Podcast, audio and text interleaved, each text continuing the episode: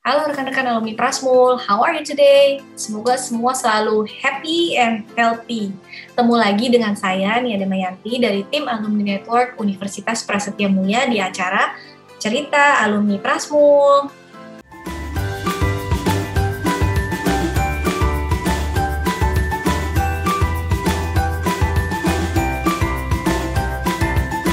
Bersama saya hari ini di Cerita Alumni Prasmul hadir seorang alumni MM reguler atau MMR. Ya. Siapa dia? Kita kenalan dulu yuk. Halo. Oke. Halo Mbak Nia, apa kabar? Nama saya Alfa ya. Di Prasmul nih kebetulan lulusan dari MMR 42. Lulusnya udah tahun berapa ya? 2011, 2012 kalau nggak salah 2012. Lulus dari Prasmul Cilandak. Itu jurusannya marketing, Mbak. Karena kayaknya kalau dulu di Prasmul itu ada Ibu Dwi ya. Katanya kayaknya kalau saya mau masuk finance kayaknya mesti mikir 55 kali. Jadi ya Sekarang lagi sibuk apa nih Pak? Coba ceritain dong, sibukannya apa? Sekarang lagi sibuk apa? Sekarang lagi sibuk di dunia event sebenarnya namanya. Jadi memang eh, pekerjaan saya kebetulan kita di dunia event management di apa namanya eh dan activation. Nah, let's get to business. Nah, Oke. Alfa, aku dengar kamu nih kan eh, tadi kamu udah cerita ya, kamu eh, punya event organizer ya. Ya. Nah, eh, boleh cerita sedikit nggak? Sebenarnya nama bisnisnya apa sih? Nama IO-nya apa? Sebenarnya eh, namanya sih eh, kita sebenarnya ada Araya Group sebagai holding. Nah di bawahnya Araya Group sebenarnya ada dua PT. Yang pertama itu ada Dot 62, yang kedua adalah Arte Kreatif. Nah kenapa kita masuk ke dua? Sebenarnya Arte Kreatif dan Dot 62 ini dua jenis apa namanya eh, brand yang berbeda. Gitu. Jadi Dot 62 ini lebih ke arah eh, human resource. Habis itu activation sama eh, lebih ke arah talent mania. Jadi kebetulan saya ini eh, bukan manajeri lah tapi berusaha merangkul semua talent-talent yang ada lah dari SPG, Asher, ya kan, MC dan lain-lain itu dari sisi dot nya. Tapi memang itu awalnya berdirinya kita. Jadi memang eh, dunia event, dunia karena banget dari marketing tadi, dunia event, dunia SPG itu eh, mereka semua saling berhubungan lah dan sampai sekarang itu masih menjadi eh, apa ya kita bilangnya ada menjadi core bisnis yang sangat ini masih sangat-sangat menjanjikan sebenarnya walaupun dalam keadaan eh, pandemik saat ini. Araya Group ini sebenarnya udah berapa lama sih, Pak? Udah Hmm. running berapa lama? Dari tahun berapa? Itu sebenarnya kita start itu dari 2016 jadi kita sekitar sekarang udah sekitar lima tahunan lah. 2016 kita start. Karena sebelumnya memang sebelum di area grup ini sebelum kita bikin agency sendiri dulu kita sempat di eh, saya pernah sempat di perusahaan lah. Gitu. Baru sekarang lah masuk ke mana namanya? Ke dunia event management. Gitu, Mbak. Pas bikin ini tuh sebenarnya kamu bikin sendiri atau ada teman-teman yang lain yang joinan untuk bikin? Oke, awalnya sih sebenarnya kalau untuk bikinnya sih memang startnya eh, bareng-bareng sama teman memang awalnya. Jadi eh, cuma kita sekelompok yang tadinya pernah di dunia event ini coba kerja bareng, tapi secara founder dan secara pendirinya kebetulan waktu itu pertama kali saya sendiri. Sampai akhirnya pindah ke 2017 Araya Group berdiri secara holding, kita baru berpartner bertiga sama rekan-rekan saya. Tapi awalnya kita berdiri itu baru sendiri itu sekitar satu tahunan lah kita sendiri. Baru setelah 2017 datang temen yang punya apa ya punya expertise di sama-sama di event cuma lebih ke arah jadi di event itu ada bedanya antara eh, government event habis itu ada yang apa namanya eh, corporate event swasta dan lain-lain itu semuanya terbagi-bagi sebenarnya jadi begitu masing-masing punya expertise nah kita gabung akhirnya di area 2017 tuh Kalau kalian berarti eh, ada spesifik expertise-nya nggak apa emang general aja in general? Oke, jadi kalau bertiga ini sebenarnya eh, saya partner saya sebenarnya kalau saya sebut nama ya saya sendiri eh expertise-nya ada di dunia activation sama human resource. Jadi lebih ke arah apa namanya direct selling, SPG dan lain-lain itu di saya kebetulan expertise-nya. Nah, kemudian rekan saya dua yang lain, yang satu Adi ini expertise-nya di dunia event management secara eh, global. Kemudian satu lagi Pak Arya ini lebih di kreatif desain sama IT itu eh, Pak Arya sama fotografi. Nah, jadi visual design, habis itu apa namanya eh, kreatif itu dari Pak Arya. Nah, kita bertiga lah berusaha untuk bersinergi untuk akhirnya mengembangkan skala bisnis kita menjadi lebih besar. Kurang lebih seperti itu, banyak. Yes, mantap mantap. Berarti semua ya ini ya, semua lini Semua. diambil ya. Semua lini Nah, insya Allah digarap. Ya. Paket lengkap nih berarti. paket lengkap. Nah terus em, kenapa sih pilihnya bisnisnya tuh ini gitu event organizer? Karena kan sekarang kan udah kayak banyak banget gitu ya IO-IO bertebaran di mana-mana. Mm-mm. Nah, kalau itu ceritanya sebenarnya agak menarik nih balik lagi. Jadi sebenarnya kalau kisah awalnya itu eh, berangkatnya karena pertama kali dari Prasmul ini eh, saya di hire oleh eh, salah satu perusahaan swasta. Nah dari situ itu salah satu job desk saya di perusahaan tersebut itu menjadi eh, menguruskan regional promo waktu itu. Jadi urusan promotion itu baik yang namanya billboard, habis itu event dan apa namanya sampai ke point of sales marketing itu kebetulan saya menghandle untuk regional Jakarta waktu itu. Nah berangkat dari situ akhirnya mulai tertarik lah dunia event kok kayaknya menyenangkan ya gitu dan kayaknya lebih apa ya lebih bukan kerja di balik meja lah waktu itu jadi kita banyak ke lapangan dan lain-lain nah habis itu selesai dari perusahaan swasta itu memang kebetulan saya langsung masuk ke agensi tetangga dulu. Di hire oleh agensi tetangga dari situ berangkat baru akhirnya lepas untuk bikin sendiri. Mas. jadi emang awalnya serba kebetulan sebenarnya. Kebetulan dunia event itu menyenangkan dan menarik untuk dipelajari. Karena baik lagi eh, apa namanya di event ini apa ya setiap tahun setiap saat itu sebenarnya banyak hal baru yang sebenarnya akan selalu dipakai yang tadinya offline sekarang kayak contohnya sekarang lah Mbak, dari yang tadinya kita semua sebelum offline tuh event semua di lapangan di studio habis itu di mana namanya di open space ya kan? Sekarang dengan pandemi ini berubah tuh semua. Yang tadinya launching mobil di mana? Di ICE di Gias itu di ICE BSD sekarang berubah jadinya di studio. Jadi sebenarnya akhirnya event itu sendiri akhirnya berubah secara konsep dan berubah secara eh, apa ya? Secara sistemnya jadi animonya berubah gimana cari crowdnya berubah yang tadinya crowdnya datang lihat mobil sekarang lihat TV tuh buat ngeliat mobil nah itu sebenarnya menyenangkannya dunia event tuh itu Mas. selalu amat sangat dinamis sebenarnya buat kita gitu Kalau kamu sendiri sebenarnya ada ada event organizer atau mungkin ada orang yang menginspirasi kamu untuk membuat IO ini nggak sih? Atau emang ini eh, emang udah came up karena ini your passion gitu? Kalau inspirasi kayaknya nggak ada Mak. belum belum nemu tuh inspirasi ada dari ya? seorang IO tuh belum ada. Tapi emang bener yang menemukan satu dunia di mana ini kayaknya passionnya pas nih ya kan? Udah passionnya pas baik lagi. Begitu kita bekerja itu penuh dengan terpaksa ya kan? Akhirnya nggak kerja. Nah begitu passionnya bisa mendatangkan kehidupan akhirnya kita jalankan lah intinya itu aja sih namanya banget ya. Jadi bisa kerja berdasarkan passionnya apa? Alhamdulillah sampai saat ini sih begitu Mbak. Oke. Terus eh, ini sebenarnya kalau untuk running IO ini ya, kamu kan udah cukup lama nih ya di bidang itu. Ada Hmm. spesifik ini gak sih skill yang harus dimiliki oleh ada spesifik skill yang harus dimiliki oleh seorang event organizer nggak atau orang yang menjalankan IO ini nggak? Atau siapa aja sebenarnya bisa sih. Nah, sebenarnya sebenarnya menariknya dunia IO ini mungkin sama kayak eh, di 11 12 Mbak kalau misalkan eh, saya ngeliat Prasmul sebenarnya. Jadi untuk ngambil S2 di Prasmul nggak semuanya harus jurusan ekonomi lah. Dari kedokteran ada, dari insinyur ada dan lain-lain ada. Nah, sebenarnya dunia event ini sebenarnya 11 12 sama kehidupan Prasmul. Jadi sebenarnya di sini tuh semua orang akan bisa. Cuma satu yang diharapkan di sini adalah eh, teman-teman di dunia ini harus punya passion yang sama.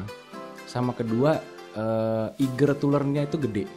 Di saat mereka mau belajar karena tiap hari baik lagi tadi karena memang kehidupan event itu amat sangat dinamis begitu mereka itu mau belajar ini akan menjadi satu kehidupan yang sebenarnya menyenangkan dan bisa menghidupi kita.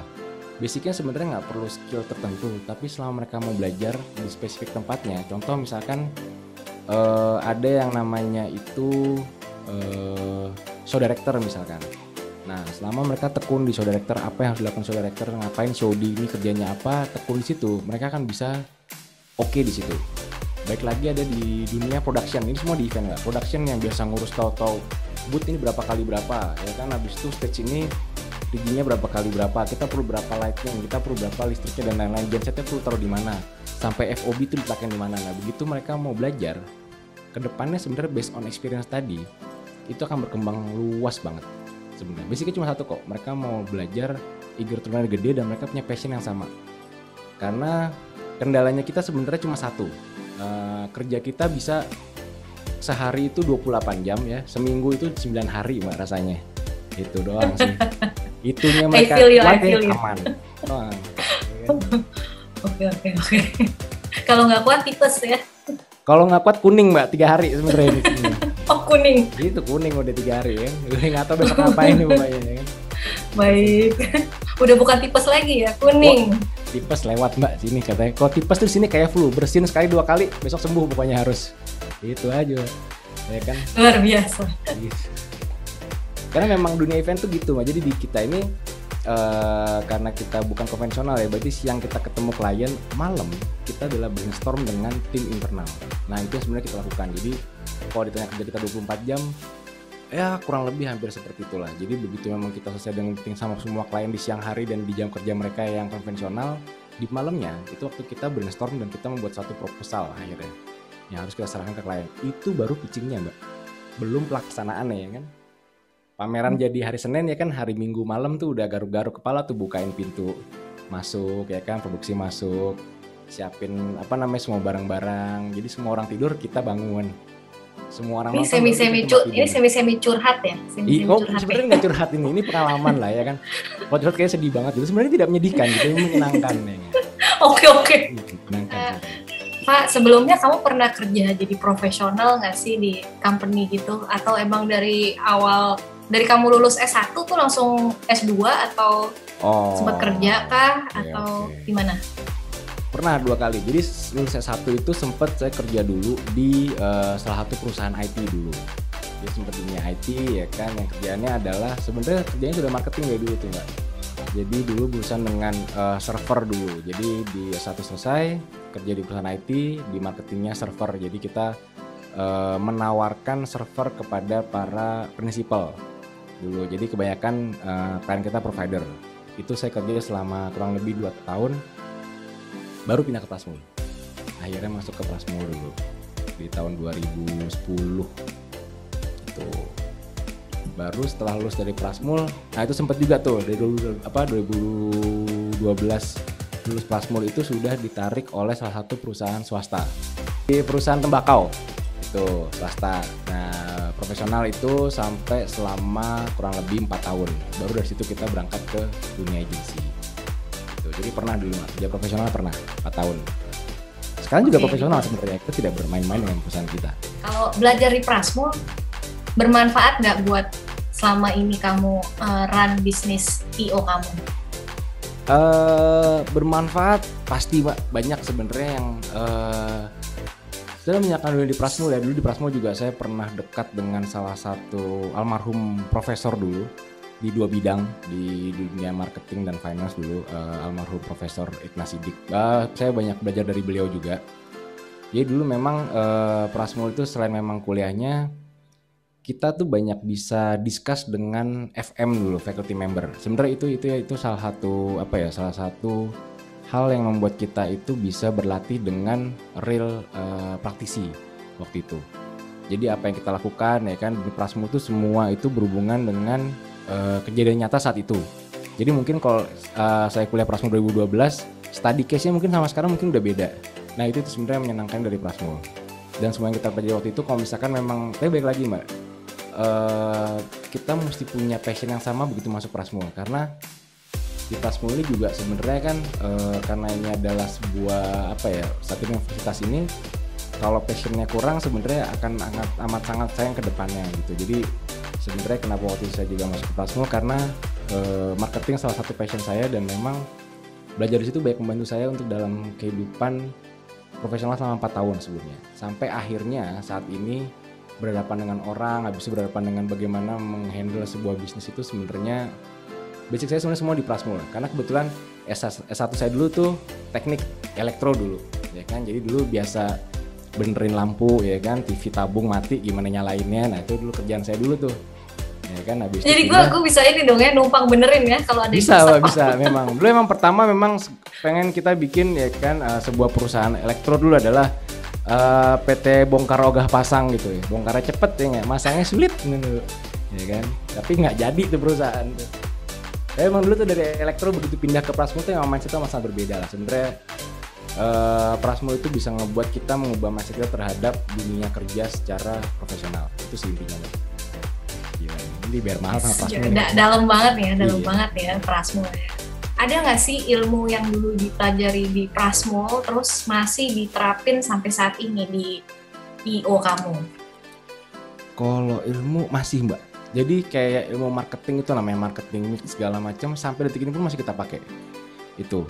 Nah, cuma yang sebenarnya saat ini lucunya adalah sebenarnya di Prasmul tidak ada penjurusan HR.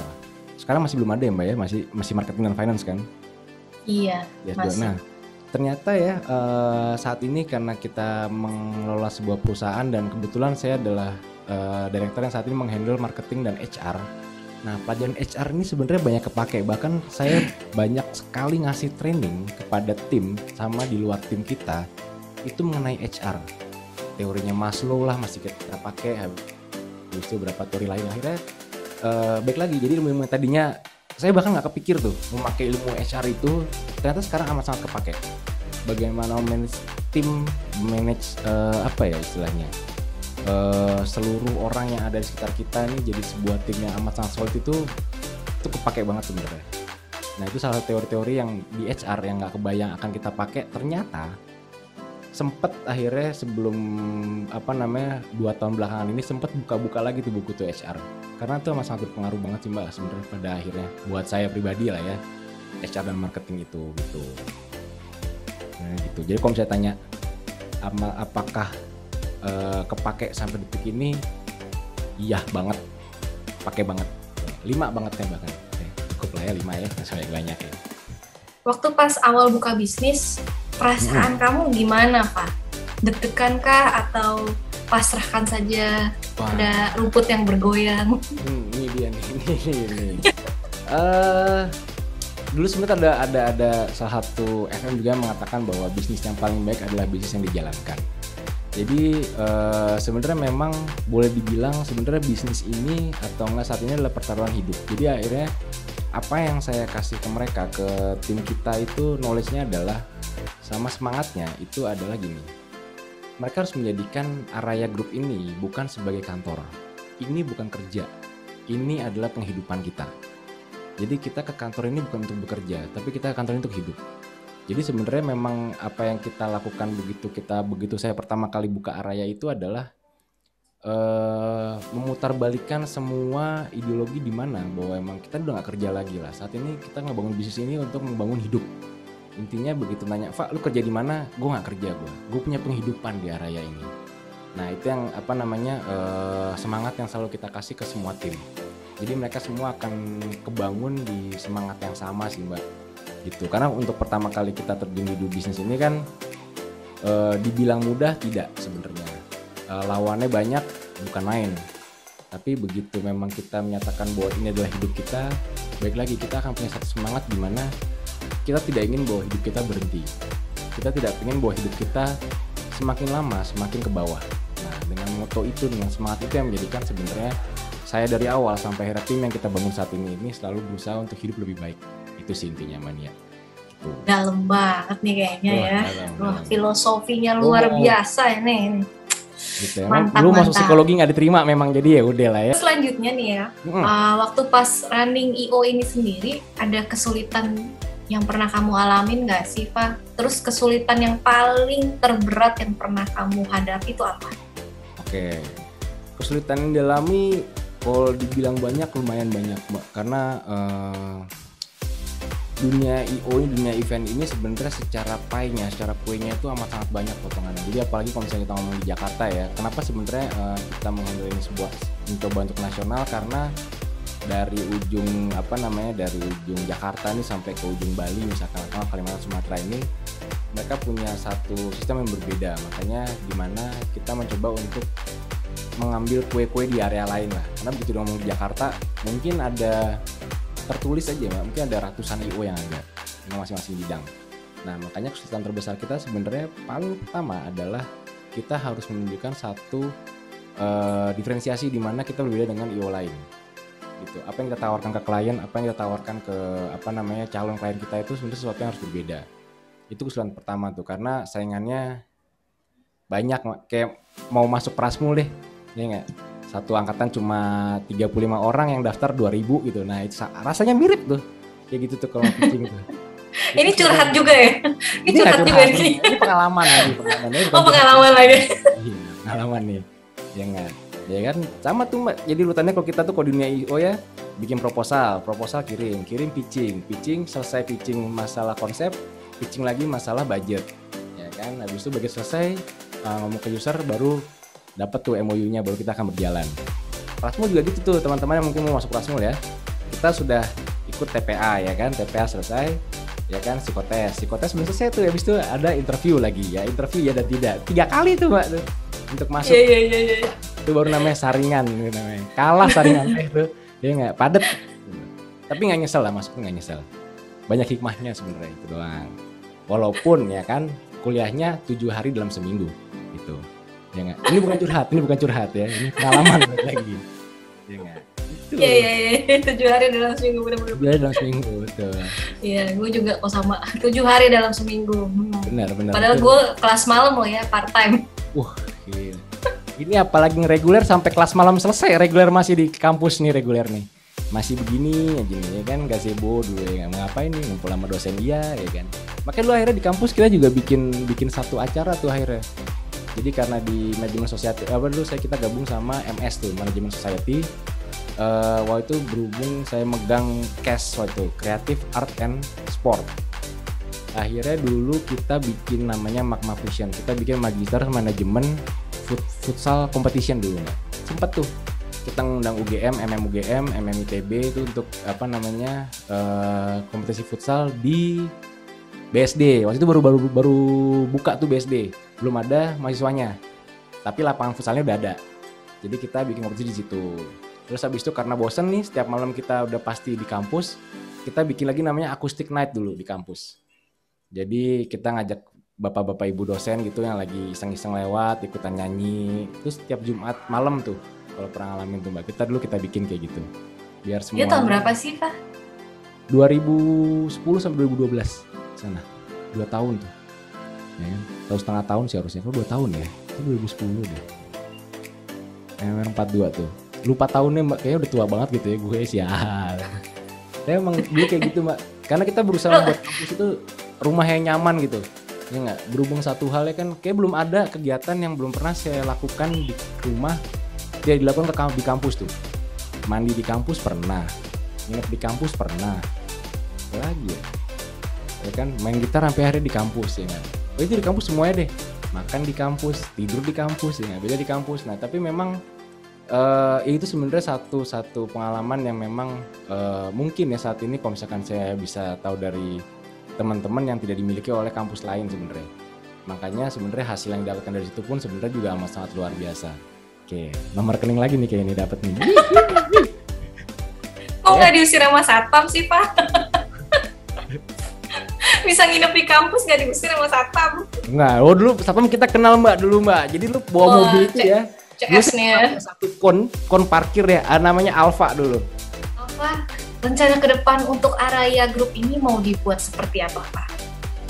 Oke, Uh, basicnya sebenarnya buat kita M kita cuma satu sebenarnya kita akan menjadi the most respectable agency di Indonesia itu adalah M pertama kita sebenarnya jadi agensi amat sangat banyak bahkan kita sebenarnya kalau dibilang IO uh, eh, mungkin kita bukan IO mbak tapi kita di atas IO jadi IO adalah salah satu part dari pekerjaan kita tapi kita bukan IO nya itu tapi kita bisa mengerjakan pekerjaan IO jadi kita sebenarnya uh, lebih ke arah event managementnya iya. Cuma karena baik lagi di saat ini orang-orang hanya IO-nya sebagai kadang-kadang kita IO tuh hanya sebagai uh, apa ya kita bilangnya itu eksekutor biasanya.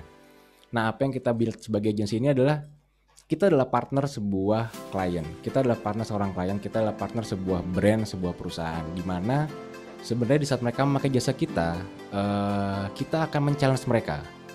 Pak, uh, gue mau bikin event ABCDE, Nah, mungkin kita akan mencari mereka, Mbak, sebenarnya. Apakah event itu akan oke okay untuk mereka atau tidak? dengan event itu sebenarnya kita bisa menambahkan let's say lah uh, income mereka berapa persen dari tahun sebelumnya? Atau enggak dalam waktu tiga tahun setelah ada eventnya apa impactnya untuk mereka? Jadi sebenarnya kita lebih selain kita eksekutornya kita sebagai konsultan mereka. Nah itu harapannya. Makanya jadinya kalau ditanya mau dibawa ke mana at least kita akan menjadi the most respectable agency di Indonesia. Itu sebenarnya paling mulianya gitu Pak mantep ya. Emang nih kalau ngobrol sama Alfa nih super super filosofis ya, tuh rasanya ya. Filosofis betul ya. Ada tips-tips nggak sih untuk teman-teman alumni nih yang nonton? Kira-kira kalau misalkan mereka lagi butuh agency ataupun lagi butuh IO gitu ya, pilihnya tuh yang kayak apa sih kriterianya supaya nggak kena jebakan oh. Batman gitu? Sebenarnya tips paling mudah untuk teman-teman alumni nih ya di saat yang membutuhkan IO atau membutuhkan agensi ya, itu menghubungi nomor Alfa 08 01 0093 ya kan. Udah nggak perlu mbak. itu itu fix tuh. Mungkin tertera di bawah ini ya, ada tuh tulisannya tuh ya. Oke, nah sekarang nah, tadi yang serius udah. Oke. Kita seru-seruan dikit ya Pak ya. Oke, seru-seruan dikit nih. Wah. Hmm ada trivia question nih buat kamu. Oh, Jawabnya oh. harus cepet. Oke. Okay. Waktunya cuma 60 detik. 3, 2, 1, go. Apa makanan favorit bapak istrinya Alfa? Ya, duren. Sama kambing. Apa yang paling dibenci anak Prasmo? Banyakan ketugas. Berapa jumlah uang paling sedikit di kantong yang pernah dimiliki? Uh, ribu rupiah di kantong pernah. Siapa nama pemain sinetron Indonesia paling ganteng? Uh, Ari Wibowo. Kenapa gitaris bawa gitar saat pertunjukan? Kalau gitaris bawa drum, mbak nggak berangkat-berangkat kita ya. berat drumnya soalnya. Apa judul film favoritmu? Eh, uh, aduh, Band of Brothers. Jajanan apa ya. yang paling sering dibeli di kantin waktu kuliah?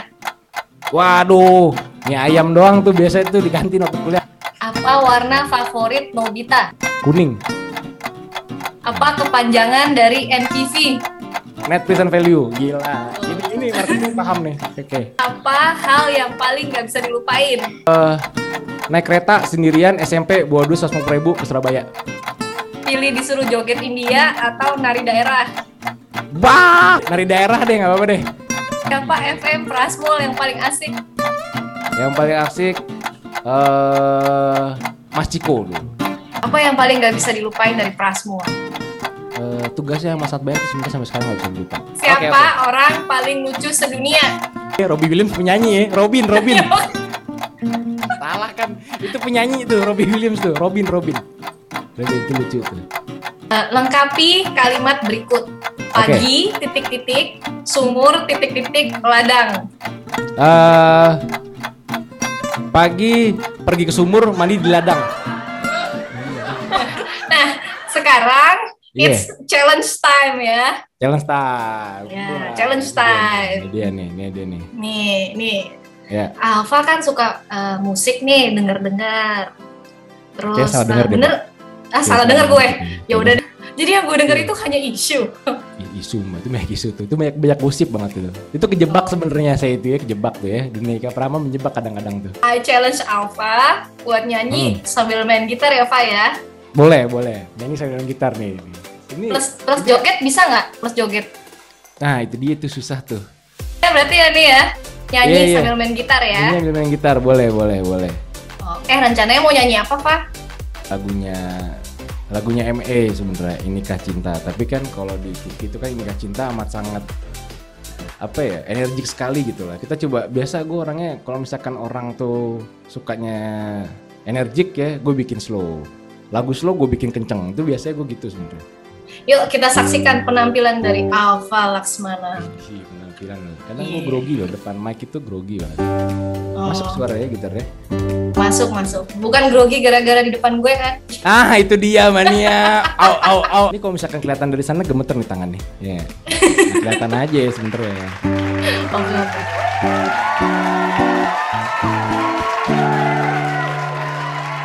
Saat ku jumpa dirinya di suatu suasana Terasa getaran dalam dada Coba mendekatinya Ku tatap dirinya. Oh dia sungguh mempesona. Ingin aku menyapanya Menyapa dirinya. Bercanda tawa dengan dirinya. Namun apa yang ku rasa Aku tak kuasa. Aku tak tahu harus berkata apa Namanya cinta. Oh inikah cinta? Cinta pada jumpa pertama. Inikah rasanya cinta? Oh inikah cinta? Terasa bahagia saat jumpa dengan dirinya. Pada berikutnya suasana berbeda Getaran itu masih ada.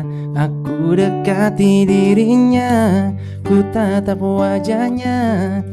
Oh dia sungguh mempesona. Ingin aku menyapanya Menyapa dirinya. Bercanda tawa dengan dirinya. Namun apa yang ku rasa Aku tak kuasa Aku tak tahu harus berkata apa. Ini kan namanya cinta? Oh inikah cinta? Cinta pada jumpa pertama. Inikah rasanya cinta? Oh inikah cinta? Terasa bahagia saat jumpa Dengan dirinya Oke, gitu aja ya